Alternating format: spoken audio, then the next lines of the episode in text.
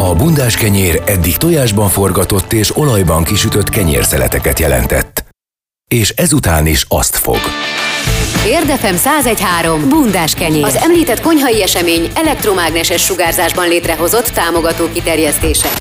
Annyira Sajnalka és Urbán Szabolcs minden hétköznap reggel 6-tól fél tízig úgy nyúl fémmel a teflonba, hogy az nem lesz karcos. Érdefem 1013. Bundás kenyér. Érden jó és nem lesz karc. Mondjam, hogy Szabinak olyan témát hoztam, amit szeretnék. Igen, fog. egy spiritista szeánsz van kialakulóban. Semmi ilyesmiről nincsen szó egyáltalán. Erdős Edina, kineziológus a vendégünk. Jó reggelt! Jó reggelt! Előkerült a kártya, csak azért mondtam. Majd te is húzol egyet, jó, Ide Szabi? Jó, jó, mik vannak kiderülni? Nem, semmiféle spiritualizmusról nincsen szó, mert hogy hát a kineziológia, azt így rögtön tegyük is helyre, semmiféle ezotéria, és nem e, spirituális szertartás, és semmi ilyesmi, ugye, Edina? Semmi köze nincs hozzá. Ez a mozgás tudománya, és az izmok segítségével térképezzük fel a test állapotán keresztül azt, hogy milyen érzelmi stresszek vannak beíródva. Ó. Aha. És milyen érzelmi stresszeink vannak beíródva? Mert hogy van jó stressz, meg van rossz stressz is. Tehát az is rossz, hogyha egyébként mondjuk így jól stresszelek, meg hogy lehet egyáltalán jól, meg rosszul stresszelni.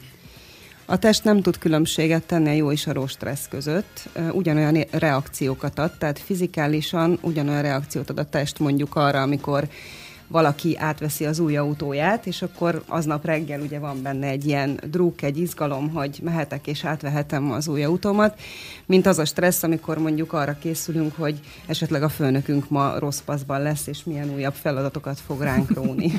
Igen, mikor egyszer voltam kineziológusnál, akkor volt ez a kéz nyomkodás, vagy nem tudom ezt, hogy Izomteszt. Izomtesztnek hívják. Hát jó, bocsánat, de, de, de voltak, voltak angyalok is, tehát hogy, hogy volt egy másik vonal is. Az nem tudom, hogy az minden kineziológusnál van ez az ilyen energia ügy. Próbálom a saját nyelvezetemben megfogalmazni, elnézést kérek, nem, De nem azért mondom így, mert hogy uh, itt kekeckedni szeretnék, csak nem tudom másképp megfogalmazni. Tehát itt voltak ilyen, ilyen angyalok, akik, akik így közbeszóltak meg, hogy, és akkor feltette a kérdést egyébként a kineziológus, hogy, hogy ezt így el tudom fogadni, hogy van ilyen, hogy, tehát, hogy menjünk-e tovább ezen az úton, vagy, vagy annyira bezárkóztam, hogy nem, nem érdemes velem foglalkozni. Tehát azt hiszem, hogy ez, ez elég szélesre van igen, ez megnehezíti egyébként a kineziológiának a hitelességét. Természetesen van ez a másik vonal is. Ez inkább egy spirituális, ezoterikus vonal, amiről te most beszélsz, és akarva akaratlanul is a kettő kapcsolódik, de a kineziológia önmagában nem egy spirituális eszköz, és semmi köze nincsen az ezotériához, ez tényleg egy tudomány. Uh-huh és sajnos itt látom a legnagyobb nehézséget ebben a szakmával, hogy pontosan ezek miatt a dolgok miatt nehéz átadni az embereknek azt, hogy, hogy mennyire különböző az, amit a kineziológus csinál, mint azt mondjuk, aki egy lélekgyógyászattal vagy energiagyógyászattal foglalkozik és én megértem, hogy ez a része is becsatlakozik, és ez teljesen jó. Én magam is használok energiákat, én magam is próbálok mindenféle eszközzel segíteni, de a kineziológia ettől teljesen elkülönülő tudomány. Tehát tulajdonképpen az van, hogy a kineziológia az azt vizsgálja tudományos alapon, hogy az én testem a különböző nem szervi tüneteimet hogy jelzi. Mondtad ezt az izom dolgot, hogy de én kéznyomkodásnak hívom, de ugye ez már izomteszt, vagy mit mondtál? Én, Igen, izomtesztnek hívjuk. Izomtesztnek hívják, tehát hogy az én izmaim azok a, a különböző bennem zajló folyamatokra ö, reagálnak, és ehhez képest ezt meg tudod állapítani kineziológusként, hogyha mondjuk az én kezem ö, az izomteszt során ezt és ezt csinálja, akkor be vagyok feszülve azért, mert mondjuk gondol, itt történnek gondolom ilyen tesztkérdések, vagy valami ilyesmi, ami Igen, alapján... vannak kérdések visszakanyarodnék a testhez, ugyanis a test a legnagyobb jelző, úgymond készülékünk, és ezt szeretném én is mindenkinek megtanítani, átadni, hogy amikor válaszokat keresünk magunkban, akkor semmi más nem kellene tennünk, csak a testünk jelzéseit figyelni. Ez mindig, nem csak akkor, amikor probléma van, hanem amikor az érzelmeinket próbáljuk beazonosítani, akkor is az lenne a legfontosabb, hogy a testi jelzéseket figyeljük, mert a test mindent jelez. És nem csak akkor jelzi, amikor már betegség van, vagy már fizikai tünet van, hanem mindig jelez, folyamatosan próbál velünk kommunikálni, viszont annyira kifele élünk, és annyira a külső hatásoknak a rabjai vagyunk, hogy elfeledkezünk a testünknek a jelzéseiről sajnos. Rendszeresen forgattam a a Betegség, mint szimbólum című könyvet. Nyilván ez már ugye nem ott van, ahol, amiről te beszéltél. Itt már ugye mm, tünetekről és betegségekről van szó, de hát nyilván az európai ember mire figyel arra, amikor fáj valamilyen, előtte viszont, ahogy te is mondtad, az annyira nem nem jellemző rá, és hát, hát nagy összefüggéseket láttam, és az azt jelenti, hogy mondjuk ha nem is betegséget, de mondjuk, hogyha, tehát mit kell észrevennünk magunkon, mondjuk a testünkön, mert azt nyilván észrevesszük, hogyha fáj valamink, és akkor azt mondják, hogy ha a torkodban van egy gombóc, akkor vagy refluxod van, vagy pedig valamit nem mondasz ki. Ugye ezt a... Vagy kimondasz valamit, amivel önmagadat vagy másokat bántasz. Aha, értem. És De egyébként nem menjünk messzire, Szabolcs, bocsánat, tehát most pont igen. az előbb beszélgettünk az Adinával, hogy tegnap ugye, említettem a hallgatóknak és neked is, hogy migrénes fejfájásom volt, de nagyon durva.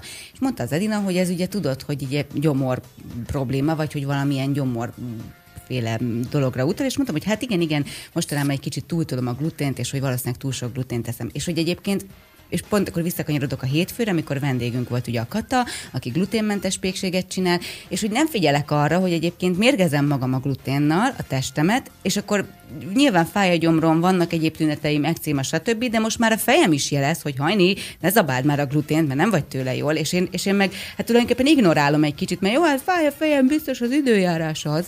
Itt jön a tudatalatti szabotás, tehát addig is, amíg fáj a fejem, addig sem kell százszázalékosan beleállnom a feladataimba. Tehát ez egy ilyen kivonódás a valódi megoldandó feladatokból, úgyhogy ezekre használjuk ezeket a testi tüneteket. Hát uh, annyi minden kérdésem van, csak most hajnal, hajnal hogy elmondtad. nem is tudtam válaszolni arra, amivel elindítottad a beszélgetést. Nem baj, nem baj, lesz még rá lehetőség. Tehát az azt jelenti, hogy de annyi mindenre kell akkor figyelni, és akkor menjünk a régmúltba. Ugye mindig azt szoktam idehozni, hogy a, a szántóvető parasztember, aki kiment ugye csinálni a dolgát, neki is voltak ilyen bajai? Csak nem volt még elnevezve semminek ez, vagy vagy hogy kell ezt elképzelni? Úgy érzem, hogy ez a, ez a dolog, amivel te foglalkozol, ez, ez inkább ilyen civilizációs ügyekhez kapcsolható. Ahhoz is kapcsolódik, viszont a régmúltban az embereknek nem volt ennyi külső inger, ami érte őket, és nem volt ennyi feladat és ennyi elvárás, aminek szerettek volna megfelelni. Sokkal egyszerűbben élték az életüket, egész egyszerűen ráhangolódtak a saját érzéseikre, ahogy itt olvastam pont a minap a, a Facebookon egy ilyen kis mémet, és arról szólt, hogy a józan paraszti észnél ugye tisztább információ átadó rendszer nincsen, és igen, tehát ők még tudtak figyelni saját magukra, tudtak figyelni a jelzéseikre, rengeteg gyógynövényt használtak, tudták mi mire jó. Ma például a fitoterápia sem egy elfogadott módszer, mert egyszerűen az emberek nem hisznek úgy benne, illetve hát azért azt tudni kell, hogy ezek a természetes gyógymódok, ha fogalmazhatok így, nem egyik pillanatról a másikra fejtik ki a hatásukat, tehát kitartást igényel a használatuk, és sajnos a kitartás mostanában nem arra irányul, hogy mondjuk valaki jobban legyen, hanem arra, hogy több legyen, többet tudjon teremteni, meg tudjon élni, stb. Tehát, hogy valóban kapcsolódik a civilizációs problémához az, hogy most az emberek már kevésbé tudnak odafigyelni magukra. Egyébként mondhat, hogy bonyolult, nem bonyolult, egyetlen egy dolog van, ami a legfontosabb, hogy az ember tisztában legyen az érzéseivel. Csak hogy az emberek az érzéseikkel nagyon keveset foglalkoznak. Hát ez az, amivel utoljára foglalkozik az ember. Tehát, hogyha most arra gondolunk, hogy egyébként más kultúrákban simán ugye egy családnak van fodrász, műkörmös, kert és stb., de mindenhol vannak mondjuk olyan segítők is, mondjuk Amerikában. Tehát, hogyha Amerikában te nem jársz mondjuk olyan emberhez, aki segít neked, és akivel rendszeresen kibeszéd a problémáidat, akkor ilyen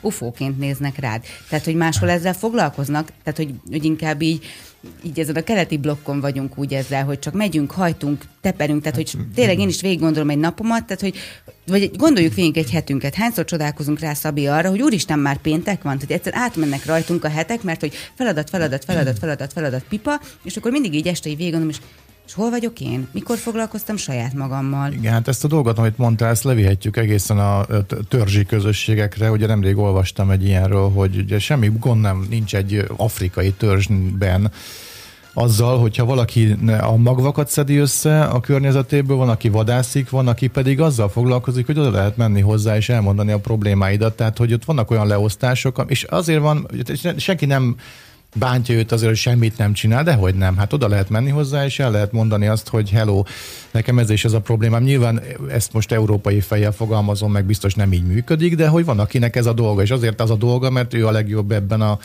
közösségben és ebben a, a témakörben. Ami nagyon fontos még, hogy naponta több tízezer gondolat megy át a fejünkön. Jó esetben már akinek. Mindenkinek vannak gondolatai, és ezek a gondolatok érzelmeket váltanak ki. És ezek az érzelmek lesznek a mozgatórugói az adott személynek. Tehát az érzelmei alapján, a tudattalan vagy tudatos érzelmei alapján fog döntéseket hozni, és azért fontos foglalkozni a tudattalamban eltárolt érzelmi stresszekkel, mert tulajdonképpen a, a döntéseink 80%-át ezek az érzelmek befolyásolják. Érdefem 1013. Egy bundás kenyér sosem lehet pontosan ugyanolyan barna mindkét oldalán. Vendégünk Erdős Edina, kineziológus, akivel tök jókat beszélgetünk itt adáson kívül. Gondolom, hogy fölveszem, és akkor csak beadjuk. Tulajdonképpen egy komplet műsort meg lehetne tölteni azzal, amit itt elmondtál. Hát azt sem tudom, hogy melyik, melyik részével kezdjem. Ugye, hát akkor belecsapok én, jó, hogy hát ha lesz egy olyan felütés, amire rögtön mondasz egy választ. Ugye azt figyeltem meg magamon, hogy én nagyon szeretek ugye kritizálni a körülöttem levő dolgokat, néha-néha fikázni, fogalmazzunk így, és mindig így, sosincs vége, tehát mindig, mindig az van, hogy nem jutok el egy konklúzióhoz, azt meg tudom állapítani, hogy ez ne, szerintem nem helyes, de azt a szerintem szót sose teszem hozzá, és azt figyeltem meg magamon, nem tudom, hogy ez adásban hangzott vagy adáson kívül, de majd mindjárt elmondod még egyszer, hogy ilyenkor mi van, hogy, hogy, hogy ez egy egyrészt borzalmasan fárasztó, másrészt pedig érzem azt, hogy ez egy ilyen ilyen, ilyen méreg hömpöly, ami kijön az emberből, és nem feltétlenül jó irányba, nem feltétlenül jó. De hát ez egy, ez egy idő után, ugye ez gyűlemlik az emberben, amikor kimondja, kimondja, és én nap végére, úristen, ennyit, ennyit kritizáltam a világot, és mire volt ez jó? Ettől függetlenül nagyon nehéz leszokni róla, mert hogy én ilyen kérdésfeltevő típusú ember vagyok. Tehát én nem nyugszom bele abba, hogyha valami a világban, tegyük föl, mit tudom, nézzük a kedvenc helyemet, a Velencei tavon, az történik, ami, és nyilván ez le, leírható tudományosan ez a rendszer, ami ott tönkretétel irányába zajlik, akkor nyilván ezt én, ezt én kérdésekkel tűzdelem tal, hogy miért történik ez, és hogy miért kell ezt így csinálni, hogyha valaki leköltözik egy zöldövezetbe, miért az első dolga az, hogy kivágja a fákat, mert hogy ugyan lenni, mint hogyha városban lenne. Ez csak egy példa, ne is ragadjunk le ennél.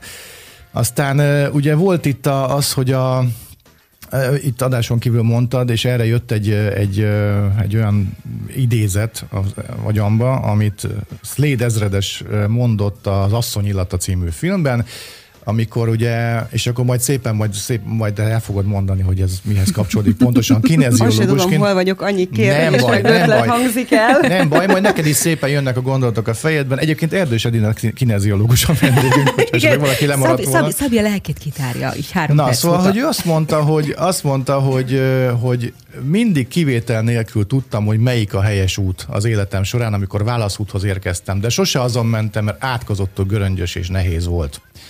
Na, tehát hogy ez, ehhez képest légy szíves, mondj valamit. Melyik részéhez? Mert nem tudom, amelyikhez. Am, te vagy a szakember, a kritikánál, hogyha... jó? Nézzük, mert jó. nem te vagy az egyetlen, aki ugye kritikai szemlélete van, illetve ugye ezt a fajta uh, szemléletet képviseli. Ez egy szembenállásból táplálkozik, és mivel minden belőlünk indul, ezért nálad kardinális kérdés lehet az, hogy önmagaddal szemben hol vagy szembenálló és ellenálló. Ennek ugye mindig a, tehát minden negatív érzelemnek van egy pozitív párja. A szembenállásnak az elfogadás. És általában az ilyen jellegű viselkedés abból ered, hogy valaki nem érzi egységben magát a környezetével, illetve hiányzik a ráhangolódás, méghozzá az önmagára való ráhangolódás. Tehát addig, amíg folyamatosan a külvilágban azt keresem, vagy azt látom meg, hogy mi az, ami nem jó, önmagamban kellene első körben megnéznem, hogy önmagammal szemben milyen dolgok vannak, amikre nem tudok ráhangolódni. És akkor itt jön a másik téma, ugye, hogy a, az idézet, amit mondtál, hogy ugye mindig megkapjuk a választ, hogy merre kell menni, és az egyszerűbb utat válasszák általában az emberek, mert azt hiszik, hogy az lesz a célra vezető, de tapasztalatból mondom, hogy bármennyire is göröngyös az az út, ami esetleg ilyenkor ígérkezik, mint jó megoldás, azt kell választani, mert az fog elvinni oda, ahol az ember igazán jól fogja érezni magát. Na de felszínen maradva, mert ugye ez a hétköznapokban nem lehet folyamatosan a legmélyünkön élni, tehát azért a felszínen is kell lenni. Hát mi, mi történik akkor a velünk minket körülvevő vevő világgal, hogyha soha nem ö, fordulunk kritikusan a rossz dolgok felé, vagy soha nem veszük észre. Lehet, mind, lehet a, a, arra fókuszálni, hogy a jó, mi, mi a jó, és akkor nekünk jó lehet, de ettől függetlenül akkor körülöttünk ugye mindenki azt csinálhat velünk, amit akar. Nekem ez, a, ez az érzésem ezzel kapcsolatban. Vagy azt, ez így, azt tudnak velünk csinálni, amit hagyunk, ez folyamatosan igaz, és még a kritikához visszatérve, ugye a kritikát is lehet úgy tálalni, hogy az ne legyen sértő, és ne legyen bántó mások számára. De akkor kevésbé hatásos. nem, nem, nem, nem tudom, mi számít hatásos kritikának. Tehát azért, amikor megnézzünk, elég, ha megnézzünk egy gyermeket, tehát azért általában, hogyha valaki felnőtt korában is egy ilyen kritikai hajlammal rendelkezik, valószínűleg őt nem sokat dicsérték gyerekkorában. Nagyon fontos a dicséret és az elismerés. Igen, és hát minták alapján is működünk, tehát amit kapunk a szüleinktől, ez teljesen mindegy, hogy mennyi ideig éltünk a szülőkkel, tehát azok a felnőttek, akik nevelnek minket, hogyha nevelőszülőről van szó, akkor ő, ugye mivel a gyerek utánzással tanul, ezért azt a mintát fogja jónak vélni és követni, és mivel a gyermek mindig meg akar felelni a szüleinek, még akkor is, hogyha a látszat néha csal, és akkor is meg akar felelni a szüleinek, amikor már 50 éves, ezért azt a viselkedés formát fogja választani, amiről úgy gondolja, hogy jó. Tehát, hogyha mondjuk egy szülő kritikus, akkor valószínű, hogy a gyerek is az lesz, és ezért fontos az, hogy megtanulja, megtanítsa a szülő a gyermekét arra, hogy dicsérettel, biztató szavakkal hogyan tudja növelni az ő önbizalmát, és akkor kevésbé fogja megélni ezt az elkülönülésérzést és ezt a ráhangolódást, ami hiányzik, és amiből táplálkozik a szembenállás, ami az elfogadásnak az ellentéte. A másik dolog, ami fontos, hogy igen, rengeteg negatív dolog történik a világban, például a fák kivágása és egyéb dolgok, és el kell fogadnunk azt, hogy vannak olyan dolgok, amik ellen nem tudunk tenni semmit. És amit tehetünk, az mindig egyéni szinteken történik, tehát egyrészt akkor mi változtatunk a mi hozzáállásunkon, és ehhez majd csatlakozni fog a környezetünk is, hiszen egy ilyen ember társaságában előbb-utóbb ö, már csak olyan emberek lesznek, akik, akik hasonlóképpen gondolkodnak, vagy hasonlóképpen éreznek, és ezért fontos megváltoztatni a szemléletünket, megváltoztatni ezt a szembenállást, és az, ahogy elmondtad az előbb is, hogy ez iszonyú energiát emészt föl, és ha belegondolsz abba, hogy ezt a energiát mondjuk másba fektetnéd, akkor milyen gyönyörű, szép dolgokat lehetne vele alkotni, akkor ez már szerintem egy elég motiváció arra, hogy az ember elinduljon és ezt megpróbálja magában feldolgozni. És akkor marad a négy, éventi, négy évenkénti szavazás amivel tudok változtatni. Na de most egyébként a Szabi példája nem maradva, hogy én például szeretem a Szabolcsban, hogy kritikus. Azt nem tudtam egyébként, hogy őt zavarja. Az vagy, hogy egyébként így a nap végén lehet, hogy összegzi magában, hogy egyébként fú, lehet, hogy túl sokat kritizáltam, de hogy ezen például hogyha ő rendszeresen járna mondjuk egy ilyen stresszoldást hozzád, akkor mondjuk ezen a, a tulajdonságán változtatnak, akkor ő mondjuk jobban érezné magát, vagy, vagy kevésbé lenne kritikus, vagy ugyanúgy kritikus lenne, de másként szemlélni a világot? Így van, tehát megmaradna az alaptermészete, és nem is nevezném kritikának, mert most már egy párszor azért beszéltünk, inkább egy ilyen kíváncsiság, egy ilyen, egy ilyen felkérdezés van benne, ami emiatt nem zavar téged. Uh-huh. Mert hogy nem egy rossz indulatú dologról van szó, Persze gondolom azért felhergelnek, azért nem Persze. biztos, hogy mindig annyira kedvesen tudod ezt előadni, de én azt gondolom, hogy bizonyos mértékig ezek a dolgok szükségesek, hiszen egy másik nézőpontból tudjuk megvizsgálni az adott helyzetet. Itt az a lényeg, újból elmondom, hogyan van tálalva. Tehát ha a másik határait tiszteletbe tartva tudod ezt tálalni, akkor nincsen vele semmi probléma. És egyébként a stresszoldásokkal például ezen is lehet dolgozni, hogy ha nem is tudja teljesen ezt magában felszámolni, de tudja csökkenteni ennek a mértékét, és elfogadóbbá válik. Tehát esetleg felszabadultabb lesz, és észre fogja venni ugyanúgy a hibákat, de már lehet, hogy ő maga is mosolyogni fog rajta, és bizonyos dolgok között már szelektál, hogy oké, okay, ezt most megjegyzem, oké, okay, ezt most nem, vagy ha meg is jegyzi, akkor esetleg azt viccesen teszi. Óriási kupleráj lehet egyébként a fejemben, mert nagyon érdekes dolgot feszegettem most. Nem tudom, hogy pontosan melyik részéhez fog ez kapcsolni, aztán pedig majd jönnek a hírek, de azért gyorsan bedobom, hát ha lesz valami gondolat belőle mindenkinek hogy amikor, és nem akarom rólam szóljon a műsor, csak hát jönnek. A, jönnek Legalább fel. szemléltetünk. Igen, igen, az állatorosi ló vagyok.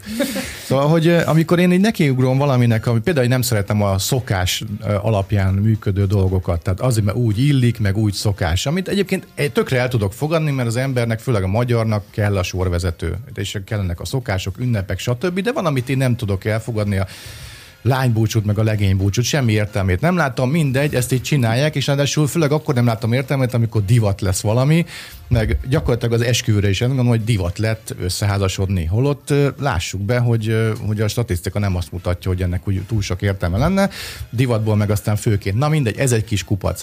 De érdekes módon, amikor egy, valakivel mondjuk egy közeli társasággal, rokonokkal beszélgetek erről, akkor ők azt fogalmazzák meg, amikor én egy ilyen, ilyen székfoglalóban előadom ezeket a dolgaimat, hogy ők azt úgy érzik, mintha én őket át akarnám programozni az én gondolatomra. Én meg egyáltalán nem érzem így. Én csak simán elmondom azt, ami az én fejemben van, és ők úgy érzik, hogy, hogy, hogy én ezt ezt azt szeretném, hogy ők is így gondolják. És valóban egyébként van bennem olyan, hogy próbálják meg már látni az én oldalamról, de hogy ott ilyen bezártságot érzékelek. Én ezzel én nem szoktam foglalkozni, ők viszont igen azzal, hogy teljesen befeszülnek attól, hogy én, én meg akarom őket győzni erről.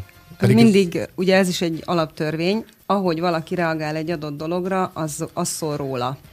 Nyilván. Tehát, ha egy ellenállást vált ki belőlük a te véleményed, akkor bizony ott nekik van ezen mit dolgozni. Ez azt jelenti, hogy valószínűleg valahol ők is tudják, hogy van némi igazságtartalma annak, amit mondasz. Tessék. Én csak annyit szeretnék mondani, hogy fél nyúlt elmúlt három perccel, szóval jöjjenek a hírek, viszont nagyon fontos, hogy az Edina hozott magával angyal tarotkártyát, vagy tarókártyát, hogy mondják ezt? Taró. Tarókártyát. És De hogyha... csak a vicc kedvéért, és ez nem kapcsolódik. Persze, abszolút nem, viszont hogyha a kedves hallgató szeretne egy angyalkártyát húzatni az Edinával, akkor írjon nekünk 0624 31 31 77, vagy 0623 520 033, és akkor kaphat egy üzenetet, és majd a Szabinak is húzunk egy jó kis kártyát. Azt én bírnám, hogyha mondjuk egy hallgatónak itt azért, az, az, az, az, azért mondom, hogy akkor tessék most jelentkezni a hírek alatt, akár SMS-ben, akár telefonon, és akkor egy üzenetet így az Edina segítségével fogunk majd átadni, és majd az érzelmekről beszéljünk, meg az érzelmek megéléséről, mert szerintem ez nagyon fontos. Jó, meg még egy dolgot szeretnék mondani, hogy legyen egy kapaszkodó a következő beszélgetős blokkra, hogy, hogy ez, amit te csinálsz a kineziológia, és most nem kell válaszolni, az diagnosztika vagy megoldást is ö, nyújtasz. Azonnal szeretnék válaszolni. Nem diagnosztizálunk semmit, mi nem gyógyítunk. De, de, de ez, mi... a, ez a vizsgálat, amit mondta az izom... Nem diagnosztika, nem, nem, nem. Ez, ez, tehát ez... Akkor hibakeresés, nem tudom, minek nevezzük. Vagy tünetkez, tünetkeresés. Azaz, nagyon jó. De nem diagnosztika, mert nem gyógyítunk, és nem tartozik ebbe a tevékenységi körbe és a kineziológia. Amivel zárnám ugye ezt a blokkot, az a, volt egy mém fönt a Facebookon, hogy tiszteltel kérdezem azokat az embereket, akik azt szerint élték az életüket, hogy mit fog szólni majd a falu népe, hogy végül mit szóltak. Úgyhogy szerintem nagyon találó és összefoglaló arra dologra, amit én mondtam az imént. Forró és friss, és a függönyön is áthatol, mégsem hagy foltot. Bundás kenyér. Érdefem 1013. Jó reggelt kívánunk mindenkinek, Erdős Edina kineziológus a vendégünk. Arra gondoltam egyébként, hogy kicsit rendezzünk át téged, mert hogy láss bennünket, mert hogy néha előre beszélsz, és semmi, ez egy kis műszaki információ. Fordítsd el a mikrofont, úgy, és akkor egy kicsit a székedet tedd oda, és akkor minden, mindannyiunkat tudsz, tudsz látni. Nagy, nagyon jó, király. Nagyon jó megoldott. Micsoda Így... probléma megoldás. igen, igen, igen. Hogy, hogy rá, ránk. Na, szóval húztam egy ilyen kártyát, ami csúszik. Mert ugye... Csúszik. Csúszik, igen. Az üzenet is mindig csúszik, ami rajta van. Az mit jelent? Ez, ez valami átvitt értelem? Amit igen, mondtam? az mindig passzol. Na, Mondjam, hogy mit húztam? Vagy ezzel nem, nem most kell ezzel foglalkoznunk? Hát, szerintem, ahogy érzitek. Most már, most, hogyha elkezded, akkor mondd, Nem csak mint, hogy elhangzott volna, hogy ezzel majd a végén foglalkozunk. Elhangzott, igen, elhangzott. Szabolcs, ez nem baj. Jó, tehát akkor víz 9-es, egy, mondjam, hogy képen, hogy mi van, vagy azt nem kell? Nem feltétlenül Mert... szükséges, inkább én azt hallgatnám meg, hogy mit mond neked az üzenet, ami rá van írva. A vágyad valóra válik, az aggodalmak szerte foszlanak, az élet szeretete. Akkor mi a feladat? Hát, jó kérdés. Az előbb a kritikáról és a szembenállásról beszéltünk. Igen. Hogy tudod ezt kötni az élet szeretetéhez? Hát leginkább magamat kéne szeretni, amivel azért vannak problémák. Igen, ezért van a kritikai hajlam. Igen? Igen. Igen. Sűha. Na, hogyha hallgatók szeretnék, hogy egy angyaltarót húzzon Edina nekik, akkor 0623 033 a telefonszámunk, vagy 0624 31 31 77 ez az SMS és Viber számunk. Szabi, majd adáson kívül csak, elmagyarázzuk csak, neked. Csak, ennyit, csak ennyit beszélgettünk rólam? Hát mennyit? Hát Ez elég velős volt kicsit. szerintem. Igen, igen, igen, megdöbbentő. Egy, egyébként mennyien mennek az, azzal, hogy, hogy nem szeretik önmagukat, mert Szerintem nagyjából egyébként az embereknek a 90%-ának a legnagyobb problémája az, hogy egyébként, egyébként nyilván gyerekkorból szeretetlenség, nem foglalkoztak vele eleget, nem dicsérték eleget, stb. És mindig, mindig, mindig oda adunk talán vissza, hogy, hogy nem szeretjük önmagunkat eléggé, vagy nem vagyunk képesek szeretni önmagunkat. Tehát mit, mit be, belenézünk a tükörbe, és mit csinálunk? Jaj, dagat vagyok, jaj, itt ilyen, ott olyan, nem tetszik a hajam, ilyen az arcom, olyan a bőröm, de, de, de, de, de. és egyfajtában szídjuk saját magunkat, és a legtöbb problémát szerintem az emberek ebből csinálják saját maguknak. És aztán a, a külvilágnak való éléssel, meg egyszerűen csak így nem tudom, ilyen kis szebb tapaszokat helyezünk magunkra. Igen, ez valóban probléma, de nem ezzel szoktak jönni. Tehát nem ez a fő kérés, ez a legritkább, amikor valaki ezt így megfogalmazza. De az de... alapkiindulás az mindig valahova oda jut ki, nem? Hogy, hogy egyébként az emberek nem szeretik önmagukat. Ez így van. Uh-huh. Volt egy ilyen felmérés, vagy megfigyelés, vagy nem tudom mi, azzal kapcsolatban, hogy állásinterjúkon meg szokták néha kérdezni, hogy mondj magadról pozitív és negatív tulajdonságokat, hogy ír magadról. És az embereknek nagy százaléka rengeteg negatív tulajdonságot tudott írni, viszont szinte semmit pozitívot. Ez is ilyesmi dolog? Igen, ez is ehhez tartozik. Uh-huh. Köszönöm a választ. De miért éljük meg egyébként ennyire nehezen az érzelmeinket saját magunkkal szemben? Az érzelmi intelligenciában keresendő, illetve annak a hiányában keresendő ez a probléma. Az érzelmi intelligencia az tulajdonképpen arról szól, hogy felismerem, beazonosítom az érzelmeimet is, utána ezeket az érzelmeket kezelem, és aztán aki már fejleszti az érzelmi intelligenciáját, utána képes lesz empatikusan szemlélni másokat. Nagyon sokrétű ez a téma is, mert ezt a fogalmat, hogy empátia és együttérzés, ezt mindig tisztáznom kell az ügyfelekkel, mert nem tudják, hogy mi a különbség a kettő között. Ugye ezt egyszerűen úgy szoktam szemléltetni, hogy az együttérzés az, amikor valakivel együtt bőgök, és együtt sírok, és a vállamra veszem a fájdalmát, és vele együtt megélem ezt a fájdalmat. Az empátia pedig az elfogadásról szól, tehát tudomásul veszem, hogy most a másik szomorú, vagy boldog, vagy veszteség érte, vagy öröm érte. Ezt tudomásul veszem, elfogadom, el tudom magam tőle különíteni, tehát lehet, hogy belőlem is kivált valamit, de belőlem egy teljesen más érzelmet vált ki, mondjuk az ő érzelmi fájdalma. Tehát ez már egy érzelmi intelligencia kérdése, és akkor ennek megfelelően megyek tovább. Nagyon érdekes dolgot figyeltem meg, talán egy kicsit kapcsolódik ez a dologhoz, és megint magamról fogok beszélni, hát én vagyok a legközelebb saját magamhoz, úgyhogy elég jó viszonyban vagyunk, illetve hát nem, de, de hogy ismerjük magunkat hogy egy dolgot el lehet róla mondani, hogyha például valaki lerobbant az útszélen, akkor azonnal megállok segíteni. És rájöttem arra az évek során, hogy ez, ez elég kisgyerekkorom óta ez így van, és rájöttem, hogy miért. És most majd itt nagy megfejtésekben leszel szerintem, Edina, hogy hogy azért csinálom ezt az, az elismerésért. Tehát azért, hogyha, hogyha valakihez normálisan szólok és segítek, akkor én imádom látni azt, hogy ő nagyon hálás azért, hogy én megálltam neki segíteni, és ez tök ciki, és ez biztos egy torz valami, de hogy, hogy én, engem ez, én, én ezt nagyon szeretem. És ez ilyen, olyan, mint hogyha ezt koldulnám, és azért állok meg uh, agy nélkül segíteni olykor. Mert van... micsoda dolgokat mondasz ki ma reggel.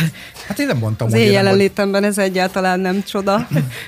de, de tényleg, most, most, most, most bocsánat, tehát most, most a Szabi olyan mélységeket nyitott itt meg magában, így pucoljuk a Na, hagymáját ha, a Szabinak, igen, nem? Tehát, hogy... igen. Ha még egyszer azt mondod Zajnak, hogy én, én negatív vagyok, látod? De Isten ments, nem Nagyon mondom. ügyesen beazonosított, hogy mi van a dolgok mögött. Az elismerés az nagyon fontos az életben, természetesen mindenkinek jól esik. Amikor valaki ahogy mondtad, koldulja ezt az elismerést és a szeretetet, és kijelenthetem, hogy nagyon sokan vagyunk így ezzel. Mesélhetnék a család, ja, a környezetemből, bocsánat. Igen. Ez azért van, mert egyrészt önmagunkat nem tudjuk elismerni, tehát ez hiányzik, ez megint az önismeret hiányából és az önszeretet hiányából ered. A másik dolog az, hogy ugye ez az elismerés iránt való igény, ez abból az érzésből ered, hogy úgy érezzük, hogy nem szeretnek minket eléggé, Ugyanakkor, hogyha mi ebben ebbe belegondolunk, akkor rá kell jönnünk arra, hogy mi sem szeretünk eléggé másokat. Tehát ez oda-vissza működik. A környezet mindig csak azt tudja nekünk visszatükrözni, amit mi saját magunkból adunk, vagy saját magunkból mutatunk. Tehát, hogyha valaki például úgy érzi, hogy őt nem szeretik eléggé, akkor azon kellene dolgoznia, vagy elgondolkodnia, hogy ő szerete eléggé, mm-hmm. és mhm. jól szereti-e azokat, akik körbeveszik őt akkor ez a pont az, amikor szálljunk le rólam. az állatorvosi ló létem az most ugye egy csomó problémát felvetett, ugye, ami lehet, hogy a kedves hallgatók is magukra ismertek, vagy felfedeztek olyan problémákat, amik az ő életükben is jelen vannak, de te, mint kineziológus a praktik, praktizálásod során miket, mi, mikkel találkozol? Egyrészt, ami sűrűn előfordul, és mondjuk nem feltétlenül ez, amiről eddig beszéltünk, illetve mi az, ami, ami mondjuk van, nem olyan sűrűn, de mondjuk igen komoly kezelést igényelne, mert ön és közveszélyes is akár az a típusú életszemlélet, vagy bármi, ami, amiről elmennek hozzá. Tud, van egy ilyen listád, vagy egy ilyen sorrended? A fejemben van, Na, igen. Hát akkor, ha esetleg megvan, Két akkor... fő téma van, az egyik a megfelelési kényszer, a másik pedig az egyedülléttől való félelem. Amit említettél, ez az ön és közveszélyes állapot, mivel mi nem gyógyítunk, és nem is diagnosztizálunk, ezért, hogyha bármilyen jellegű dologgal találkozom, akkor szakorvoshoz irányítom a, az ügyfelet, tehát azt nem is vállalom. Uh-huh. Minden esetre, amit tényleg tapasztalok, ez a, ez a megfelelési kényszer az az első számú, nagyon sok minden ebből ered, és a másik pedig, amint említettem, ez az egyedülléttől való félelem. Ezt én is megfigyeltem, de ez mit, mi, miért van ez? Mi, mi eredményezi azt, azt, hogy az ember nem tud egyedül lenni? Ezt jól fordítom le, ezt a dolgot? Hogy nem tud egyedül lenni? Vagy nem Igen, ez a szülőkkel való kapcsolathoz vezethető vissza. Tehát, hogyha az ember a szüleivel való kapcsolatát rendezi, akkor nagyon sok függőségből ki tud gyógyulni, és az egyedülléttől való félelem is egyfajta függőségből ered. Ez egy ilyen társfüggőség, vagy kapcsolati függőség vannak olyan esetek, amit tényleg már szakorvosi kezelést igényel. Minden esetre, amit mi tudunk kineziológusok csinálni mondjuk egy ilyen esetben, az egyedül lét tényén való érzelmi stresszeket tudjuk oldani. Most hagyd rugózzak egy kicsit ezen a szülőkkel való kapcsolatrendezésén. Tehát ez most azon múlik, hogy egyébként én oda megyek az anyámhoz, az apámhoz, és megbeszélem velük, vagy ezt mondjuk lelki szinten lehet rendezni, vagy magamban tudom én ezt rendezni. Tehát most hiába próbáljuk ezeket elfedni, és sajnos egyébként szerintem az embereknek nagyon hányad olyan, aki, aki tényleg olyan kapcsolatban van a szüleivel, hogy, hogy az, az, abban nincs hiba, vagy patent, vagy hogyha, vagy hogyha azt mutatja, hogy nincs hiba, akkor rengeteg hiba van benne, mert hogy egyébként ott kapcsolatban ugye a megfelelési kényszer, amiről ugye beszéltünk. Szóval, hogy én hogyan tudom ezt rendezni? Tehát, hogy nekem van egy csomó problémám, haragszom az anyámra ezért, haragszom az apámra ezért, de hát közben nyilván ő nekem a legfontosabb a világon, imádom, szeretem, mindent megtenne értem, én is megtenném, de hát nyilván bennem is van egy csomó tüskesérelem, stb., amiket így, amiket így görgetek, mint egy ilyen kis hógolyó, amiből aztán lavinák lesznek. Itt megint az elfogadás a kulcs, ugyanis ha ők nem lennének, akkor mi nem lennénk itt. Tehát hogy tudok én haragudni egy olyan emberre, akinek az életemet köszönhetem? Tehát itt az elfogadás az, ami fontos, illetve az is nagyon fontos, hogyha én valamelyik szülőmet nem fogadom el, akkor önmagamat sem fogadom el, hiszen belőlük lettem. Nem. És hogyan fogadjuk el őket? Tehát most ezt komolyan kérdezem, tehát most például nekem a szüleim elváltak gyerekkoromban, az apukám már nem él, egy csomó problémát nem tudok már vele személyesen rendezni.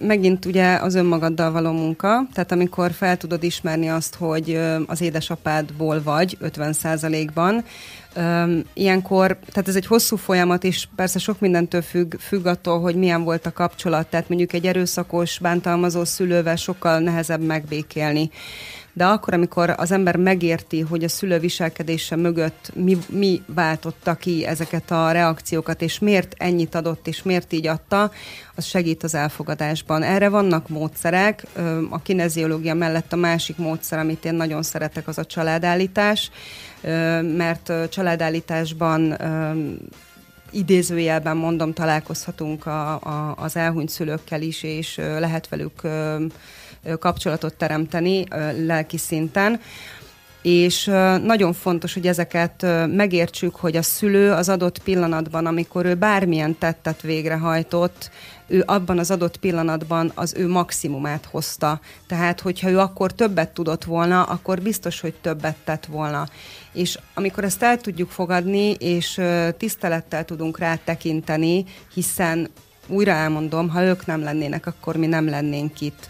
Ha hálásak tudunk nekik lenni az életünkért, azért, hogy ők, ők felneveltek minket, vagy egyáltalán ugye életet adtak nekünk, akkor egy teljesen más megvilágításba kerül a szülő. És az önelfogadás hiánya kapcsolódik ide, amint az előbb is említettem, tehát ha nem tudom elfogadni a szüleimet, akkor hogyan tudnám elfogadni önmagamat, hiszen belőlük lettem.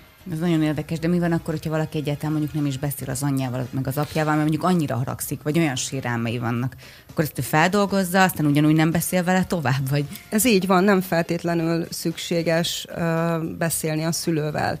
Tehát ez egyéni szinten, lélek szinten működik, ez a fajta változás, ez a fajta elfogadás. Hát én nyolc évig nem beszéltem apámmal, aztán meghalt. Tehát ott volt, volt baj. De egyébként az jutott eszembe ezzel kapcsolatban, lehet, hogy rossz irány, de hogy, hogy ugye hogy rendezzük a kapcsolatunkat a szülőnkkel, mondjuk cselekvés útján. Tehát úgy értem, hogy nem feltétlenül beszélni kell, hanem mondjuk elkezdesz így oda oda közeledni a szülőhöz, viszel neki banánt, vagy, vagy Ezzel kapcsolatban ananászt. elmondanék egy pár dolgot. Öm, nagyon sok olyan eset volt, amikor ugye a szülő elfogadása volt a téma, és úgy javult a kapcsolat a, szülővel, hogy a, az ügyfelemmel ugye az érzelmi stresszeket folyamatosan oldottuk fel, és kommunikációval, tehát elkezdett ő közelíteni a szülő felé, és mivel a szülők is szenvednek az érzelmi kommunikációval. Tehát nagyon sokszor ők sem nyílnak meg, és nem árulnak el magukról olyan dolgokat, amiket lehet, hogy gyerekként nem kellett volna tudnunk, de felnőttként már megértjük, és nagyon sok esetben tapasztaltam azt, hogy pozitív visszajelzéssel jött az ügyfél, hogy leültem végre beszélgetni vele, és egy csomó mindent megtudtam róla, és nagyon megértettem, hogy mi történik vele, és most már látom, tudom, hogy ő mind ment keresztül, nagyon nehéz volt neki is, és magyarázatot kapott arra a szülőtől, hogy abban az adott pillanatban, amikor esetleg ő elszenvedett egy sérelmet, akkor éppen a szülő milyen érzelmi megpróbáltatáson ment keresztül. Tehát ahogy mondott Szabi, ez tök jó. Tehát a tettek, az, hogy, hogy közelíteni, hogy szeretettel közelíteni, ez is nehéz, mert van, aki ezt a szeretetteljes közeledést már nem tudja befogadni, mert mondjuk már olyan régóta van egy szeretetlen állapotban, hogy ezt úgy fordítja le, hogy na, hogyha valaki közeledik hozzám, akkor biztosan akar tőlem valamit. Egyébként ez is egy óriási tévhit és nagyon nehezen fogadják el ezt, a, ezt az érzelmi közeledést, viszont mindenképpen meg kell próbálni. És mindig annak az embernek kell megpróbálni, aki felismerte, hogy hol van a gond. Egyébként felismerik az emberek, tehát erről is beszélgettünk még, mikor jöttél 7 óra előtt néhány perccel, hogy valószínűleg, tehát hogy az a baj, hogy arra költünk, tehát fáj a hasam, fáj a fejem, fáj a kezem, nem tudom, stb. elmegyek az orvoshoz, arra költök, annak utána járok. De azzal miért nem foglalkozunk, hogy fáj a lelkem, meg egyébként úgy összességében nem érzem jól magam. Igen, ezzel én is sokat gondolkodtam, igyekszem minél több információt átadni a különböző közösségi médiákban, honlapomon ezzel kapcsolatban, hogy ez mennyire fontos tehát például egy kineziológushoz nem akkor kell elmenni, vagy nem csak akkor kell elmenni, amikor van egy probléma, hanem szimplán azért, hogy az ember jobban érezze magát, ez is egyfajta kényeztetés, viszont ugye vannak ilyen tévhitek ezzel kapcsolatban, hogy kineziológushoz elmenni az sírással jár, szembesüléssel jár, fájdalommal jár, rossz érzésekkel jár, és ezektől félnek az emberek, mert félnek a fájdalomtól de ha a fizikai fájdalomtól nem félnek, akkor a lelki fájdalomtól sem kellene félni, hiszen a fájdalom az valahol az örömnek a előfeltétele. Tehát amikor szembenézünk valamivel, lehet, hogy abban az adott pillanatban úgy melbevág minket és kellemetlen, de utána van egy örömérzés, amikor felismerem, amikor felismerem magamban az erőt, hogy ezt tudom kezelni, ennél nagyobb öröm szerintem nincs. Ö, amiről egyrészt volt ez, a, amit majd a végén fogunk csinálni, az most lesz még ez a Igen. kártyás dolog? Igen. Akkor kezdjünk bele abba, mert összesen 5 perc 43 Igen, akkor egy általános van. üzenetet küldjünk a hallgatóknak szerintem. Vagy még van idő arról beszélni, hogy egyébként mit csinál a kineziológus, amikor ellátogatok hozzá? Vagy ezt már azt röviden össze tudod foglalni? Mert nagyon nincs rá idő sajnos, pedig ezt akartam mindenképpen. Még annyi van. Tehát a test energetikai rendszerét egyensúlyozza ki a kineziológus, a testben futnak az energiacsatornák, úgynevezett meridiánok, és a meridiánokban ö, áramló energiát ö, ö, szabadítjuk fel, ezáltal elindítjuk ugye a testnek az öngyógyító folyamatait, és ugye ezáltal egy jobb közérzet ö, ö, alakul ki, és a jobb közérzet hatására természetesen a hangulat, a kedélyállapot is változik, ö, és egyfajta érzelmi tudatosság is elindul, hiszen beazonosítunk különböző ö, akadályozó tényezőket, és uh, tulajdonképpen egy izomteszttel kezdődik mindig a kineziológiai oldás. Itt az izom válasz mutatja meg nekünk, hogy milyen érzelmi stresszel kell dolgozni. Ugye kérdéseket teszünk föl, és a test válaszol. Tehát, hogy olyan kérdést teszünk föl, amin érzelmi stressz van, akkor lekapcsol az izom, és egy gyenge izomválaszt kapunk. Ezt fizikálisan érzékelhetjük, és ezt az ügyfélel is szoktam érzékeltetni, hogy tudja követni ő maga is a testének a jelzéseit. Arra is nagyon jó a kezelés, hogy megtanulja az ügyfél figyelni a testi jelzéseit, és utána már saját magának is érzékeli, hogyha mondjuk történik vele valami, akkor ugye elgyengül. Tehát én meg szoktam tanítani nekik ezt is, hogy onnantól fogva tudják figyelni magukat. Visszaadom ezt a kártyát akkor, ez kell, kell a pakliba? Tegyük bele. De nem, nem muszáj, hogyha nem kötelező, De, akkor meg, én lefényképezem magamnak. Jó. Öm, és akkor most mi fog következni, lányok? Egy üzenet. Egy általános üzenetet küldünk a kedves hallgatóknak az Angyal Taró kártyából, Akik mert hogy velünk. négy perc múlva nyolc óra szerintem nagyon izgalmas és nagyon érdekes volt. Szerintem Nos? is. Az üzenet az az, hogy a pozitív változás ideje jött el, és el kell fogadnunk, hogy nem lehet mindig minden jó, és nem lehet mindig minden rossz, tehát a rosszat mindig a jó követi, a jót általában követi valami kellemetlen, Viszont, hogyha a nézőpontunkat a pozitív változáson tartjuk, és pozitívan programozunk, és pozitívan gondolkodunk, akkor a kimenetel az szerencsés lesz. Lehet úgy élni, vagy ö, olyan, olyan működhet ehhez kapcsolódva, hogy a jó után jó következzen? Mert ugye mondtad, hogy a jó után valószínűleg rossz következik, de ki lehet kerülni ezeket a rosszakat? Ha már egyébként, hogy karban tartottuk magunkat? Elég, hogyha csak a yin yang gondolsz. Igen? 50-50. Uh-huh.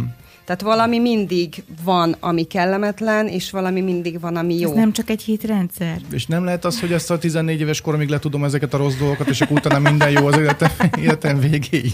Vannak ilyenek, de ez már sok minden más egyéb dologtól is függ.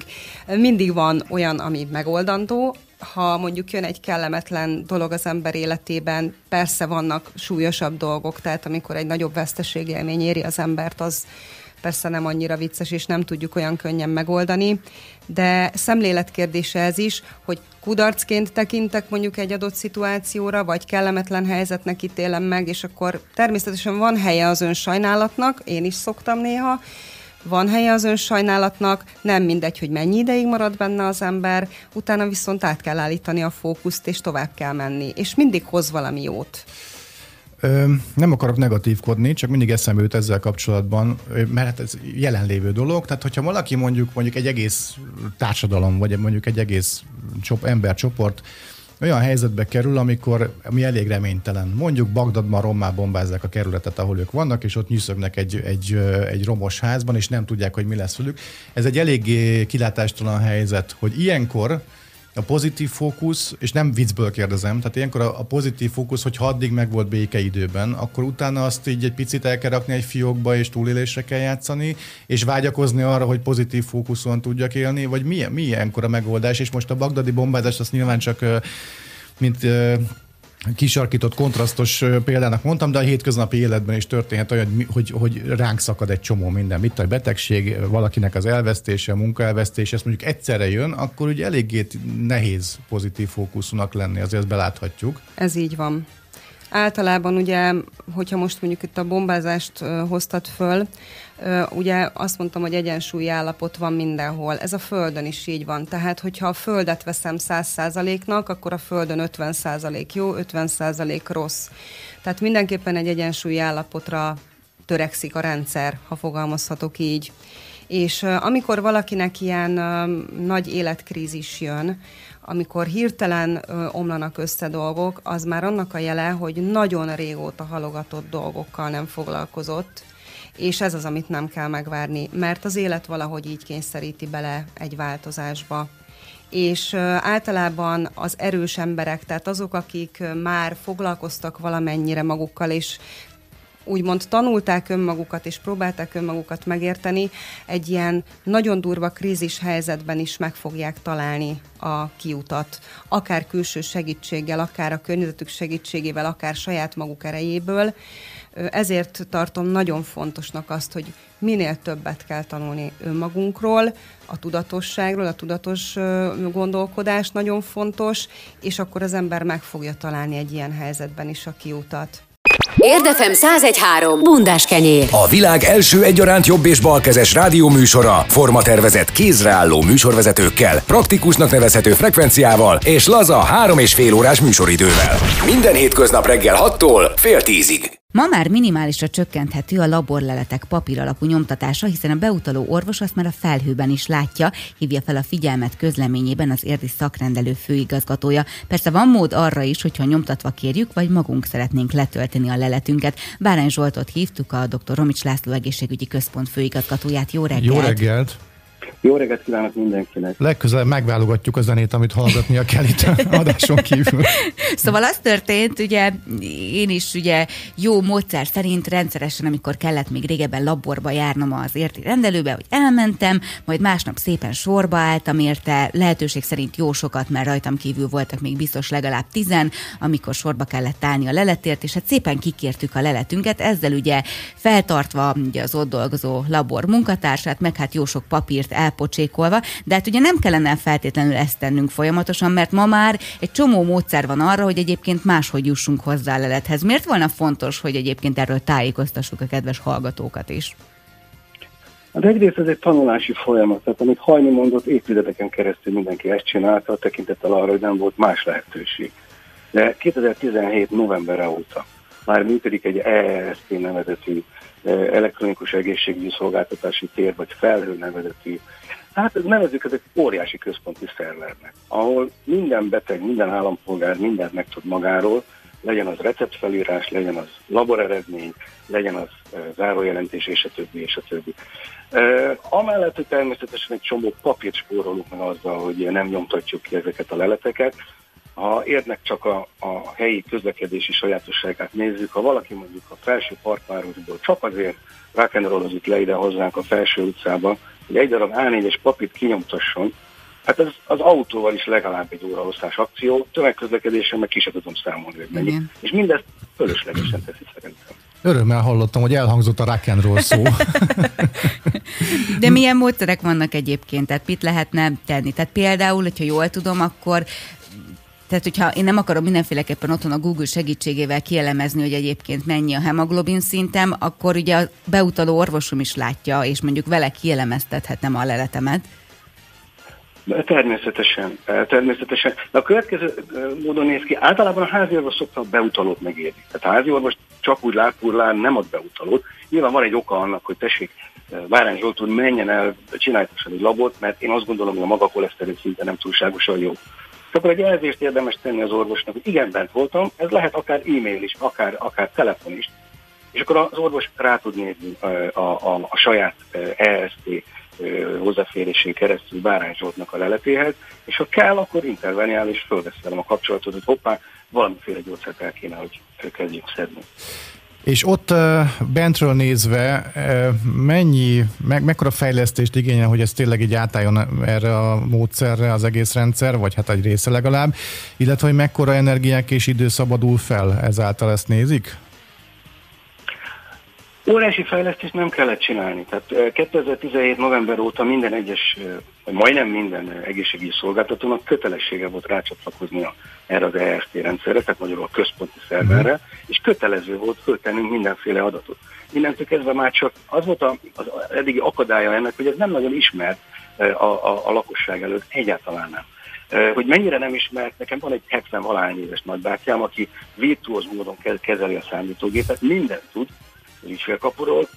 20-30 éve diabéteses, és én mondtam el neki néhány hónappal ezelőtt a Covid kellős közepén, hogy kedves nagybácsos, több fölösleges bemenned neked a, a járóbeteg szakrendelőbe kikérni a laborodat, gyere, üljünk be, megmutatom, hogy hogy van. Leesett az álla. Jézus Mária, én ezt miért nem tudom. És szám, jó, jó néhány százezer ilyen nagybáty van a, a, a, a, az országban, akinek, akinek erről nincsen információja.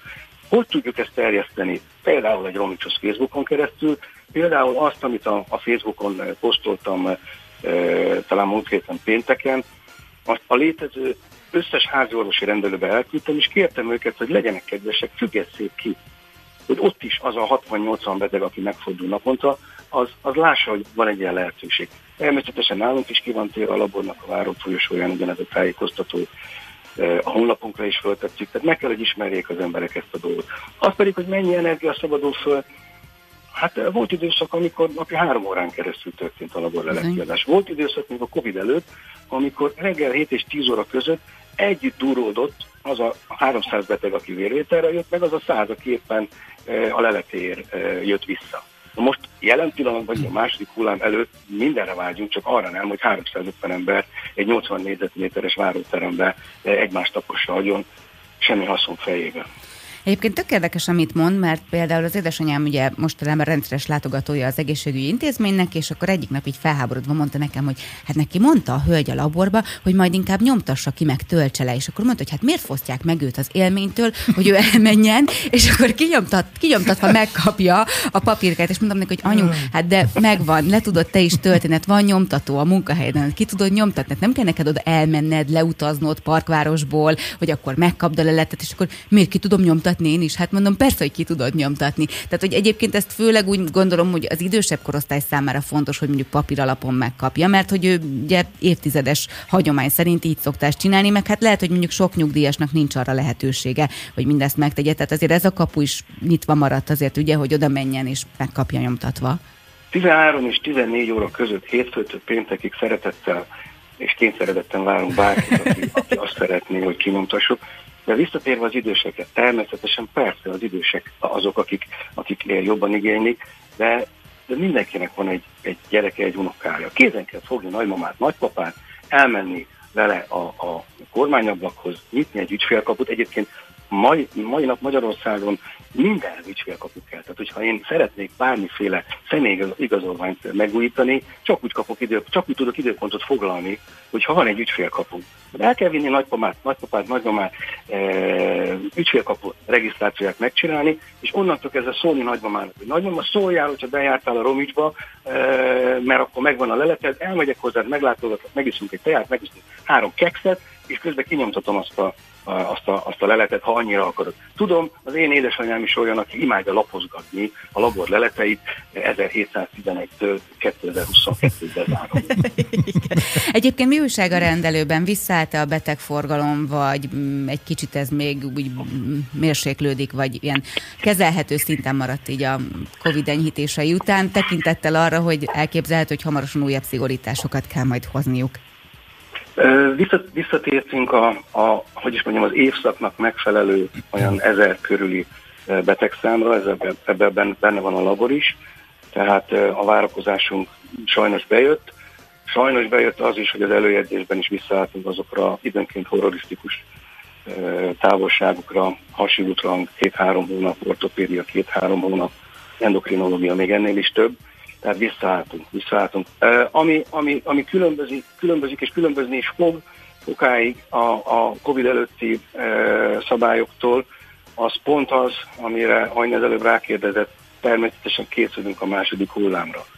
És a második hullámot, nézzék, a második hullámmal kapcsolatban én azt mondom, hogy amióta, március óta beindult ez az egész, én két embernek a figyelm véleményére vagyok nagyon-nagyon kiegyezve. Az egyiket úgy hogy Merkeli Béla, a Sotének a rektora, a másikat pedig úgy hogy dr. Szlávik János, ő pedig a főinfektológus a Szent, Szent László kórházban. Amit ők mondanak számomra, az a Biblia, azt kell, hogy mondjam. 90%-ban mhm. ugyanazt mondják, hála jó Istennek, tehát nem kell e, meghasonlulnom magammal.